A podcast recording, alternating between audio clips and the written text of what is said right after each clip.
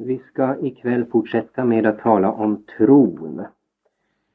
Jag ska börja med att säga något om trons föremål. Många människor talar om tron som om det inte spelade någon större roll vad det är vi tror på.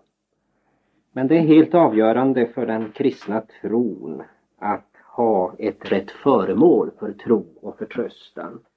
Och en tro kräver alltid ett föremål som den klänger fast vid, som den förtröstar på eller förlitar sig på. Och föremålet kan ju vara olika ting. Det kan vara en avgud, det kan vara karriär eller pengar eller goda gärningar eller det kan vara Guds nåd i Kristus Jesus. Har man nu som föremål för sin tro någonting som inte håller att förlita sig på så har man en falsk tro. Det betyder då inte att man inte tror, att man inte verkligen förlitar sig på någonting eller förtröstar på någonting. Det gör man förvisso. Också hedningen har alltså verklig tro och verklig förtröstan. Men eftersom hans tro är missriktad så är det en falsk tro. Det står i Luthers stora katekes till första budet Däri består felet att deras förtröstan är falsk och orätt, ty den riktar sig inte på den enda guden, utom vilken i sanning ingen gud finns, varken i himmelen eller på jorden. Sidan 392 i Svenska kyrkans bekännelseskrifter. Det är alltså rena dårskapen att säga att all tro eller förtröstan hjälper och frälser. Tro, tro, bara tro. Nej, avgörande är ju vad man tror på. Om man säger att all tro frälsar, då är det lika dåraktigt som säga att allt vad vi äter, det är nyttigt. Det gagnar oss. Så är det ju inte. Det beror ju på vad man äter. Och så beror det också på vad man tror, på vad man sätter sin tillit och förtröstan. Vår tro måste alltså ha det rätta föremålet. Och då ska vi först säga något om lagen.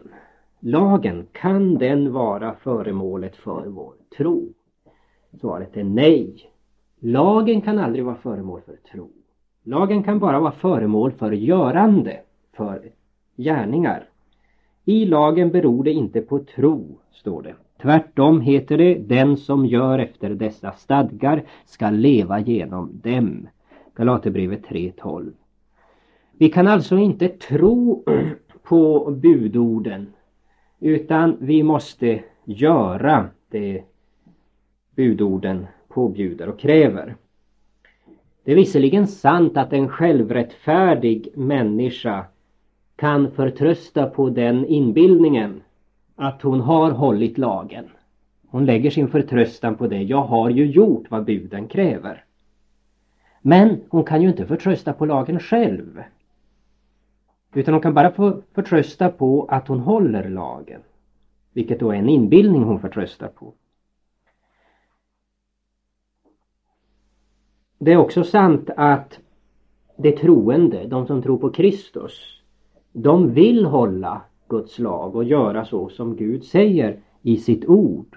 Men därav följer inte att de förtröstar på denna sin vilja att hålla lagen och de förtröstar framförallt inte på buden själva.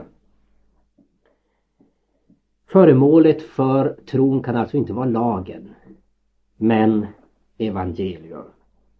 Evangeliets ord eller löftesordet, det hör ihop med tron. Guds löfte och människans tro hör ihop.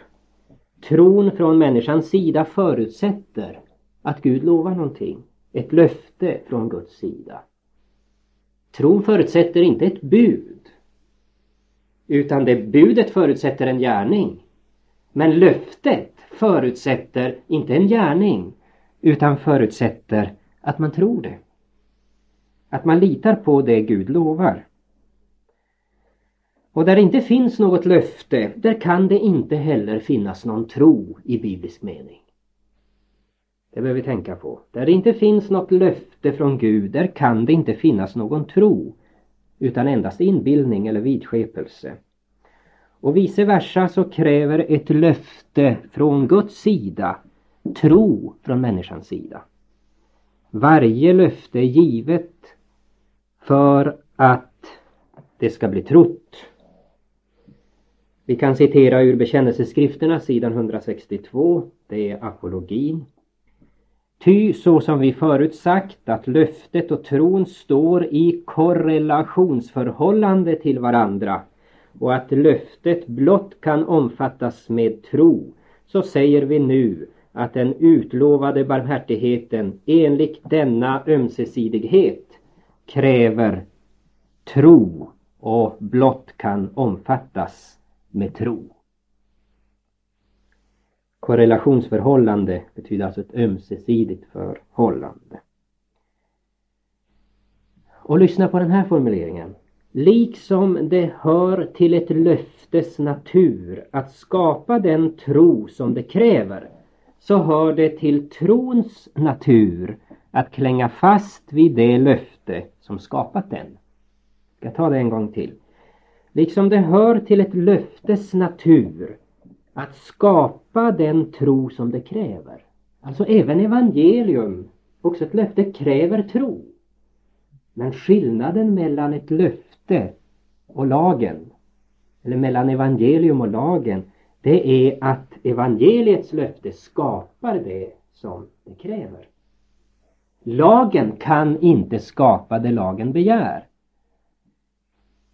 Lagen begär att vi ska göra precis så som lagen säger men den kan inte hjälpa oss till det och den kan inte skapa fram någon uppfyllelse. Men evangeliet är helt annorlunda.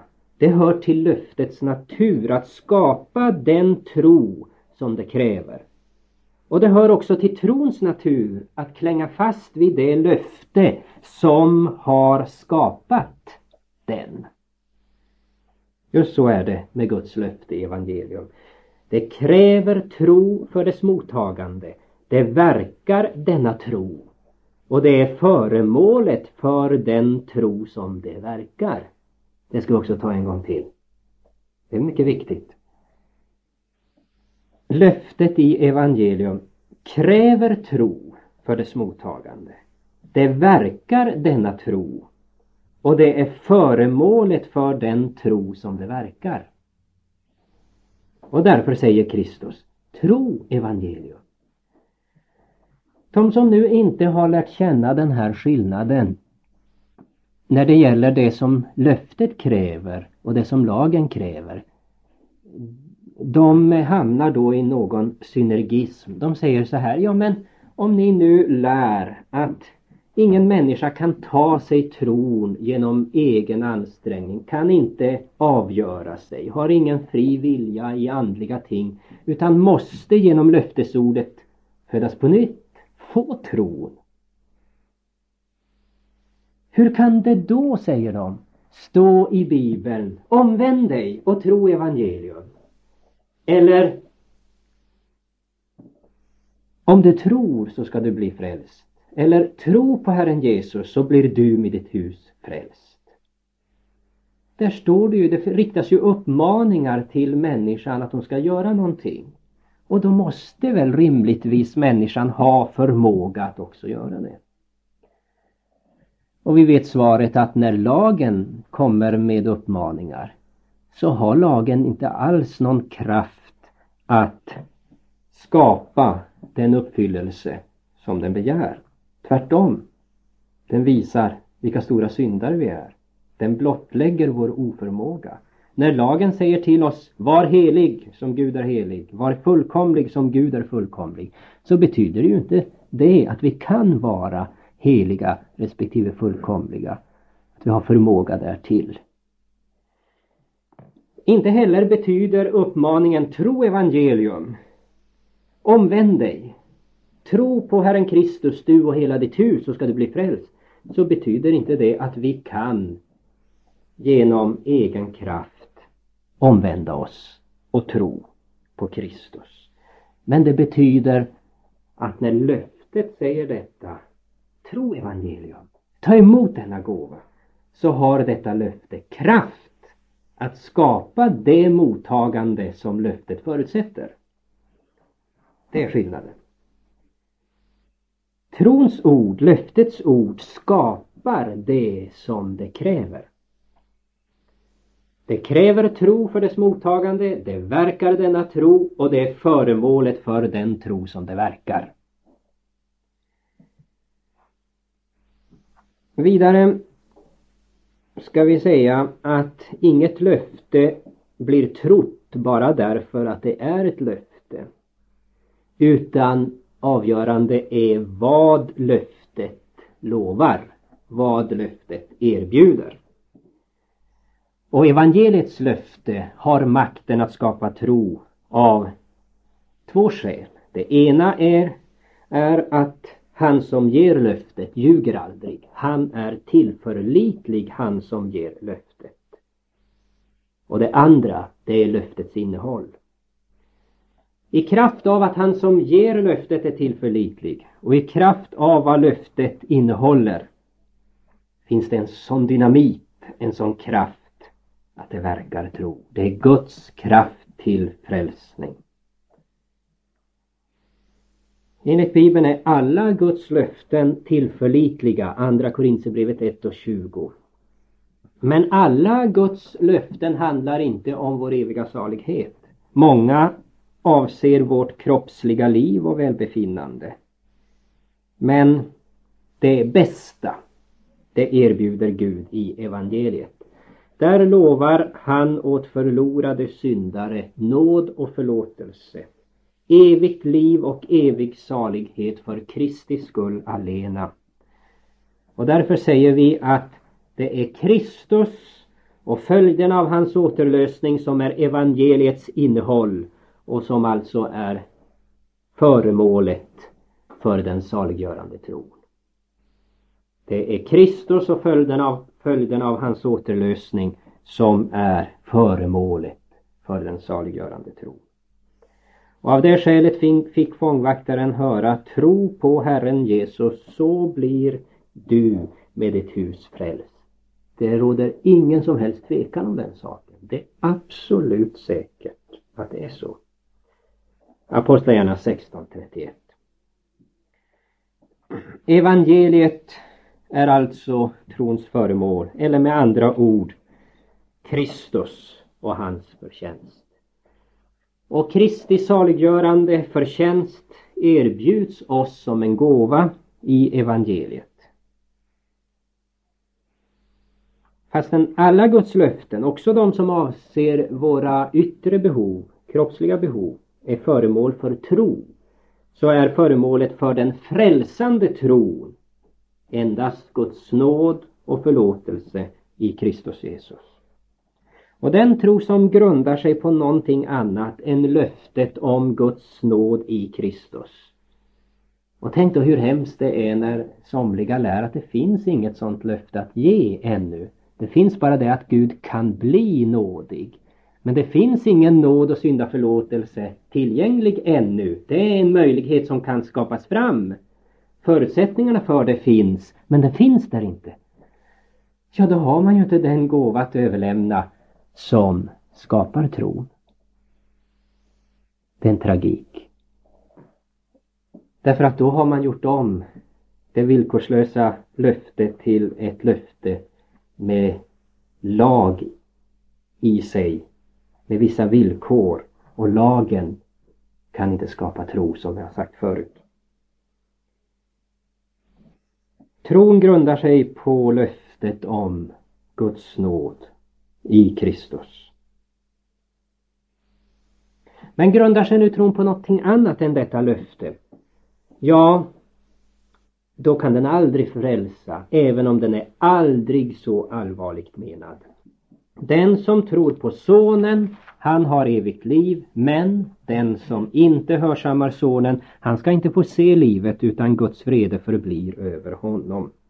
Johannes 3.36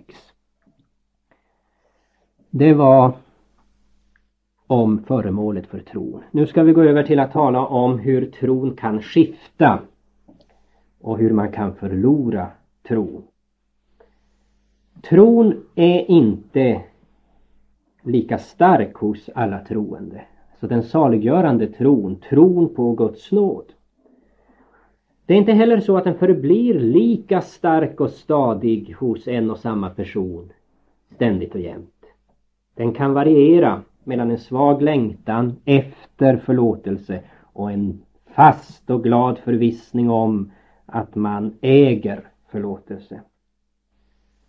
Det är också så att en persons tro kan vara stark med avseende på ett löfte och svag med avseende på ett annat löfte som Gud ger i sitt ord. Och Jesus får ofta förebrå lärjungarna att de inte har en stadig tro. Er tro är liten, säger han. Eller du klentrogne, säger han till Petrus, Matteus 14.31. Och till den kananeiska kvinnan säger han, O kvinna, din tro är stor. Matteus 15.28. Men det är viktigt att då veta att om tron är svag eller stark det påverkar inte trons frälsande kraft. Det påverkar endast trons helgande kraft. Det måste man skilja på.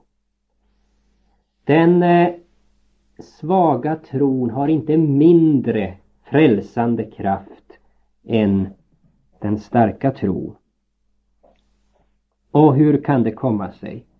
Jo, helt enkelt därför att det är ju inte trons kraft och stadighet som frälsar oss. Vi tror inte på vår tro.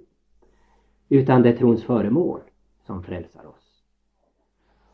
Och både den svaga tron och den starka tron förlitar sig på samma löfte och tar emot samma nåd och förlåtelse. Av det skälet är såväl den svaga tron som den starka tron saliggörande. Det ligger en skillnad i, om vi nu liknar tron vid människan tar emot nåden, griper om Guds löfte, så ligger det en skillnad i hur pass stadigt och fast man griper om det. Där ligger skillnaden. Men det är ingen skillnad i det som vi griper om. Och det är det vi griper om som är vår salighet. Vår, vår, vår saliggörare är frälsaren, inte vår tro.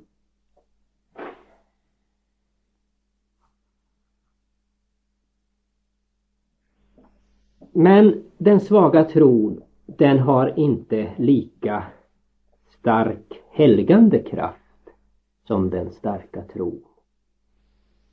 Ty till det som ger helgelsen dess kraft, det är ju den stadiga förtröstan på Guds nåd, även om vi blir hudflängda, förföljda och lider och frestas att ändå stadigt hålla sig till Guds ord, inte förneka frälsaren. Det är det som, som skapar helgelse, goda frukter. De goda frukterna har alltid sin upprinnelse i uppskattningen av Guds nåd, i tacksamheten mot Gud. Och den som i vissa situationer inte riktigt kan se Guds nåd och vacklar eller tvivlar, den har mindre kraft till trons frukter.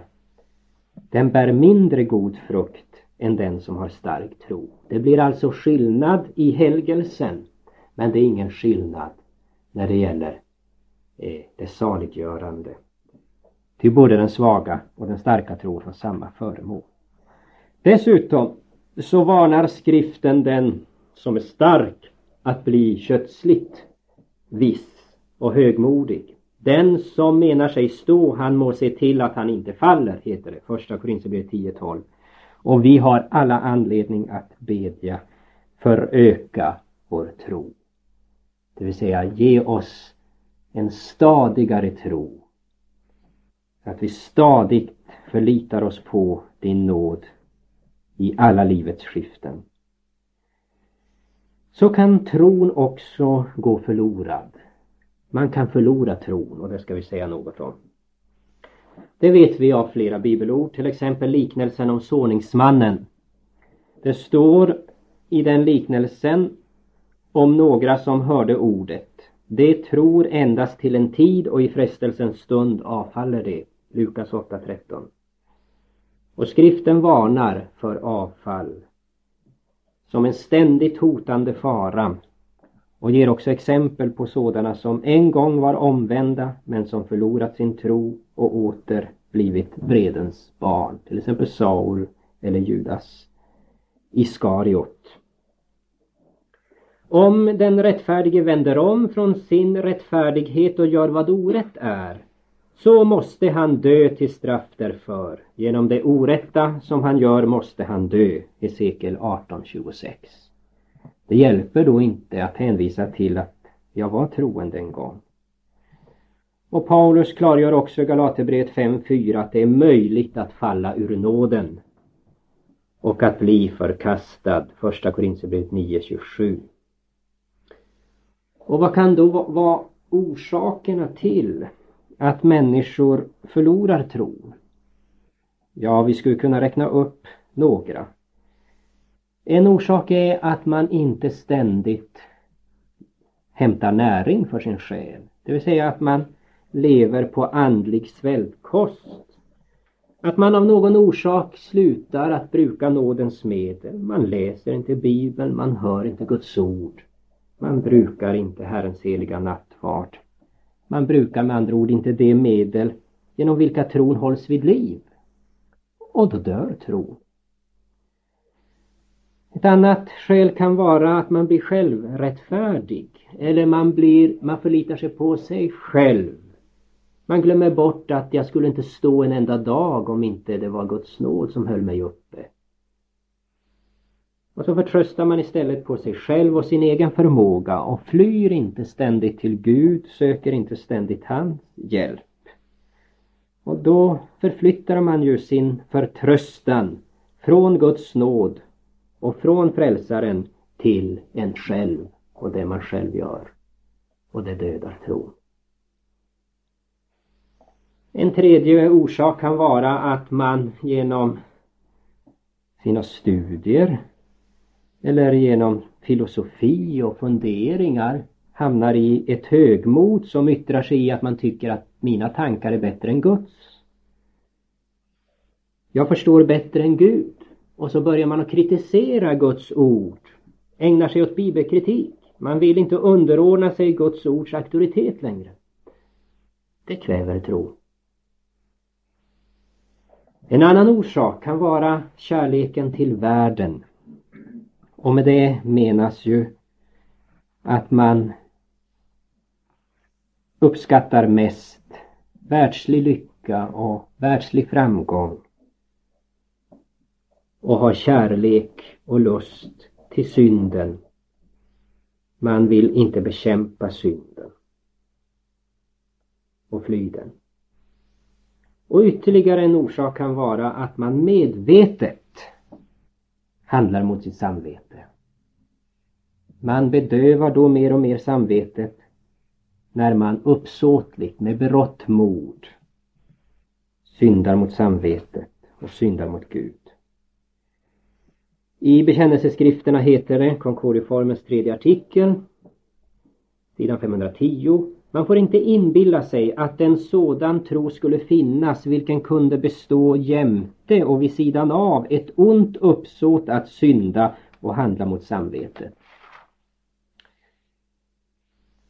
Med detta menas alltså inte att det inte finns svaghet och synd men att man uppsåtligt vill synda och vill behålla en synd, försvarar synd, vill bli kvar i synden. Det dödar tron på syndernas förlåtelse. För då vill man ju inte ha syndernas förlåtelse. Och tron kan inte leva i ett obotfärdigt hjärta, framhåller också bekännelseskrifterna. Apologin. Svaghetssynder dödar inte tron. Ty med sådana synder finns inte en uppsåtlig vilja att synda. Och sådana synder ångrar man och är bedrövad över så snart man inser dessa synder. Men tro och dödssynd kan inte existera tillsammans. Med dödssynd menas man uppenbar synd som man vet om och som man hyllar och vill bli kvar i. Bibeln lär också att en förlorad tro kan återvinnas genom att man på nytt blir omvänd. Till Petrus sa Jesus, när du har omvänt dig, så styrk dina bröd. Han kunde falla ur nåden, fanns möjlighet att vända tillbaka. Och en sådan ny omvändelse, den är till sitt väsen inte annorlunda än den första omvändelsen. Vänd om Israel du avfälliga, säger profeten Jeremia 3.12. Och David och Petrus blev omvända på nytt. Andra Samuel 12.13 och Lukas 22.32, 61, 62. Och den avfallnes ånger den består då i att han åter tillägnar sig i tro Guds nåd och syndernas förlåtelse som erbjudes honom genom nådens medel. Från Guds sida har ju Guds löfte stått där hela tiden. Gud har stått där med sina uträckta händer. Guds löfte och förbund står alltid kvar. Jesaja 54.10 Romarbrevet 3.3 Ni ska inte mena att eran, eran trolöshet gör Guds trofasthet om intet. Bort det, står det. Och den ångerfulla syndaren får alltså alltid återvända till Guds nåd och löfte. Kom till mig, ni alla som arbetar och är betungade, så ska jag ge er ro. Matteus 11.28. Och då ska vi gå vidare och säga något om trons funktioner. Trons funktioner. Vi börjar med en bild. Bilden av elden. Elden gör två ting. Den förbrukar bränsle och den producerar värme och ljus. På samma sätt så har också tron en dubbel funktion. Den för det första klamrar sig fast vid Guds löfte, griper om, tillägnar sig brukar, gör bruk av, tar åt sig vad Guds löfte erbjuder. Nämligen Guds nåd, Kristi förtjänst. Och sålunda blir en troende förklarad rättfärdig inför Gud. Och detta kallas trons rättfärdiggörande och frälsande kraft. Och därför drar vi slutsatsen att en människa förklaras rättfärdig av tro utan lagens gärningar. Ja, så säger Paulus i 3, Romarbrevet 3.28. Därför drar vi slutsatsen att en människa förklaras rättfärdig av tro utan lagens gärningar. Och i våra bekännelseskrifter står det, Konkordiformens tredje artikel, sidan 509 Tron alena är det medel och verktyg varmed vi kan omfatta Kristus och i Kristus den rättfärdighet som gäller inför Gud. Då för Kristi skull tron räknas till rättfärdighet. Romarbrevet 4.5. Det var alltså det första. Att tron klamrar sig fast vid, tillägnar sig, gör bruk av, tillämpar på sig Guds löften, Guds nåd. Det andra, den andra funktionen det är att tron producerar någonting. Precis som elden producerar värme och ljus så producerar tron någonting. Tron producerar ett nytt liv eller förnyar syndaren. Paulus kan säga det liv som jag nu lever i köttet, det lever jag i tron på Guds son som har älskat mig och utgivit sig själv för mig. Galaterbrevet 2.20. Och i samma brev 5, vers 6 säger han att tron är verksam genom kärlek. Tron har till följd kärlekens gärningar. Ett nytt liv produceras av tron. Det är en följd av tron. Och detta kallas för trons helgande kraft. Trons helgande kraft. Den tro som griper om Kristi förtjänst och sålunda rättfärdiggör den får alltid som följd ett nytt liv. Det står i bekännelseskrifterna, Konkordiformens fjärde artikel, sidan 512. Visst och sant är att goda gärningar såsom ett gott träds frukter följer på en sann tro, såvida denna nämligen är inte en död utan en levande tro. Och ingen av dessa båda funktioner kan skiljas från tron. Sann tro förtröstar alltid på Kristi förtjänst och är därför alltid en rättfärdiggörande tro.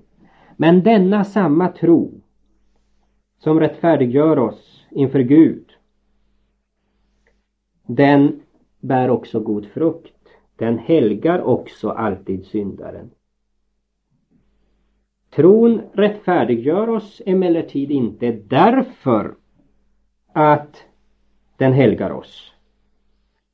Den frälser oss inte därför att den producerar goda gärningar.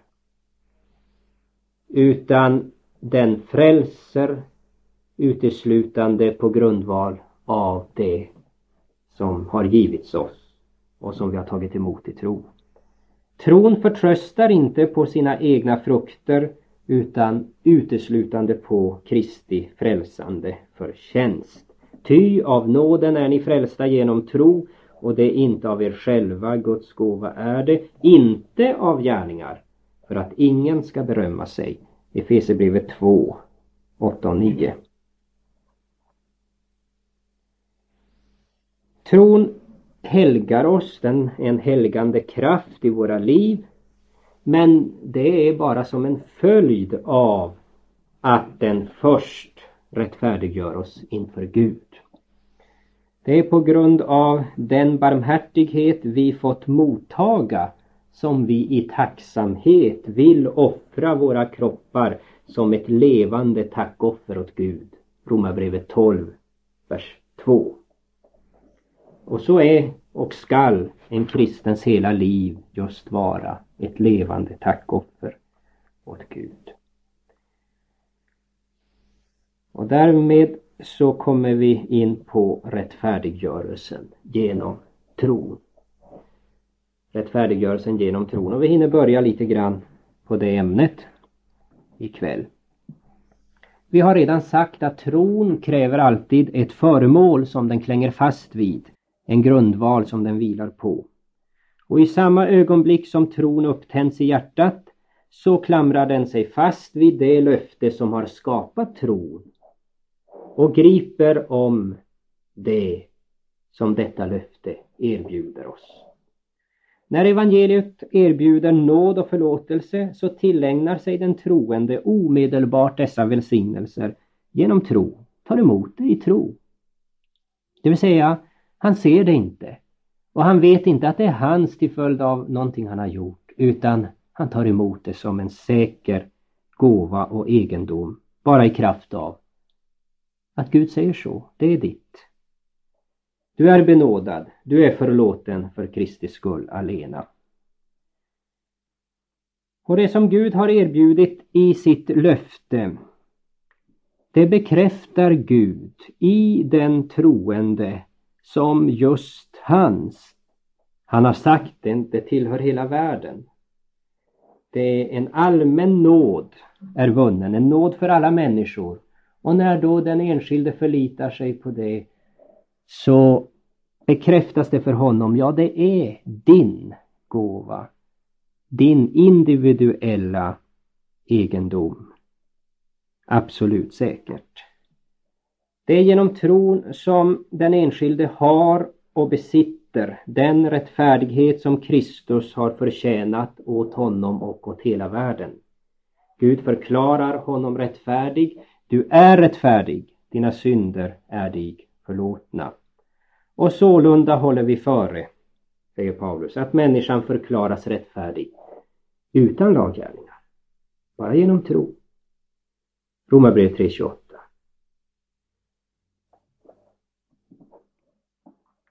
Vi måste också komma ihåg att alla människor är syndare. Man kan inte förstå Bibelns lära om rättfärdiggörelsen om man inte håller fast vid att alla människor har syndat och saknar härligheten från Gud.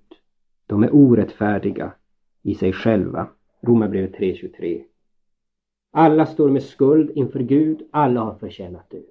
Det är mot den bakgrunden som nåden är så ljuvlig. Du är oskyldig. Din skuld är betald. Du är förlåten. Icke skyldig. Du är rättfärdig för Kristi skull. Och grundvalen är ju Kristi verk. Kristus har till fullo sonat för alla synder, eller gottgjort för alla synder. Gud sände sin son för att bli världens frälsare och detta gjorde han uteslutande för sitt eget namns skull, rörd av sin kärlek. Så högt älskade han världen. Och genom sitt liv och sin död ställföreträdande för oss så erlade Sonen full gottgörelse för alla människor. Första Johannes 2.2 för alla människor. Och syftet med hans återlösningsverk var att försona världen med Gud. Andra Korinthierbrevet 5.19. Och han har bevisat genom sin uppståndelse att han har gjort det. Han som utgavs för våra synders skull och uppväcktes för vår rättfärdiggörelses skull. Romarbrevet 4.25. Och detta innebär att Gud har förlåtit alla synder. På grund av återlösningen genom Kristus så tillräknar Gud inte längre människorna deras synder. Det står direkt i Andra Korinthierbrevet 5.19. Inte bara vissa utan alla synder är förlåtna. Han tillskriver dem inte deras överträdelser, han tillräknar dem istället Kristi förtjänst. Den som inte visste av någon synd, honom har han för oss gjort till synd, på det att vi i honom må bli rättfärdighet från Gud. Andra Korinthierbrevet 5.21. Och det är på grund av Kristi fullständiga gottgörelse som Gud förklarar den ogudaktige rättfärdig, Romarbrevet 4.5. Det vill säga den som av naturen och genom sina egna gärningar var helt och hållet ogudaktig, han blev på grund av Kristi verk förklarad rättfärdig. Och i Romarbrevet 5.18 står det precis som fördömelsedomen fälldes över alla människor på grund av en endas fall så fälldes över alla människor en rättfärdig förklarande dom till liv på grund av en endas rättfärdiga handlande. Så består rättfärdiggörelsen i egentlig mening i syndernas förlåtelse. Rättfärdiggörelse och syndernas förlåtelse, det är detsamma. Rättfärdiggörelsen består i att syndaren inte tillräknas sina synder. Och detta är den negativa sidan. Men den består också i att Kristi fullkomliga rättfärdighet tillräknas syndaren som om det vore hans egen rättfärdighet. Och detta är den positiva sidan. Den negativa sidan är alltså att syndarens synder tillräknas inte syndaren utan har tillräknats Kristus och han har sonat för dem. Den positiva sidan är att Kristi fullkomliga aktiva lydnad tillräknas syndaren som om det var syndaren som hade varit lydig i precis allting. Och då kan vi sluta med att klargöra vad frukten inte består i, frukten av Kristi återlösning. Den består inte i det att Gud bara öppnade för människan vägen till försoning med Gud. Alltså att Gud nu är redo och villig att förlåta synderna om människan först visar en rätt kärlek till Gud eller uppfyller vissa villkor. Nej, frukten av Kristi återlösning det är den att Kristus verkligen verkställde en försoning. Att Gud inte längre tillräknar syndaren synden. Att Gud i sitt hjärta har förlåtit alla människor alla deras synder. Från Guds sida så är försoningen och syndernas förlåtelse inte bara en möjlighet utan ett fullbordat faktum, en objektiv realitet. som inte påverkas av människans personliga hållning. Vår trolöshet kan inte göra Guds trofasthet om intet. Romarbrevet 3.3 eller andra Timoteus 2.13. Är vi trolösa så står han troget fast vid sitt ord, ty han kan inte förneka sig själv. Genom sin ställföreträdande aktiva och passiva lydnad så betalade Kristus för alla människors synder. Och Gud som har accepterat denna betalning, han har i sitt hjärta förlåtit alla människors alla synder. Detta kallas ju den objektiva eller universella rättfärdiggörelsen. Och det är den som erbjudes människan. Så att sedan människan å sin sida för sin personliga del ska tro och förtrösta på att just hon är förlåten och därmed personligen rättfärdiggjord. Och där får vi sätta punkt för ikväll.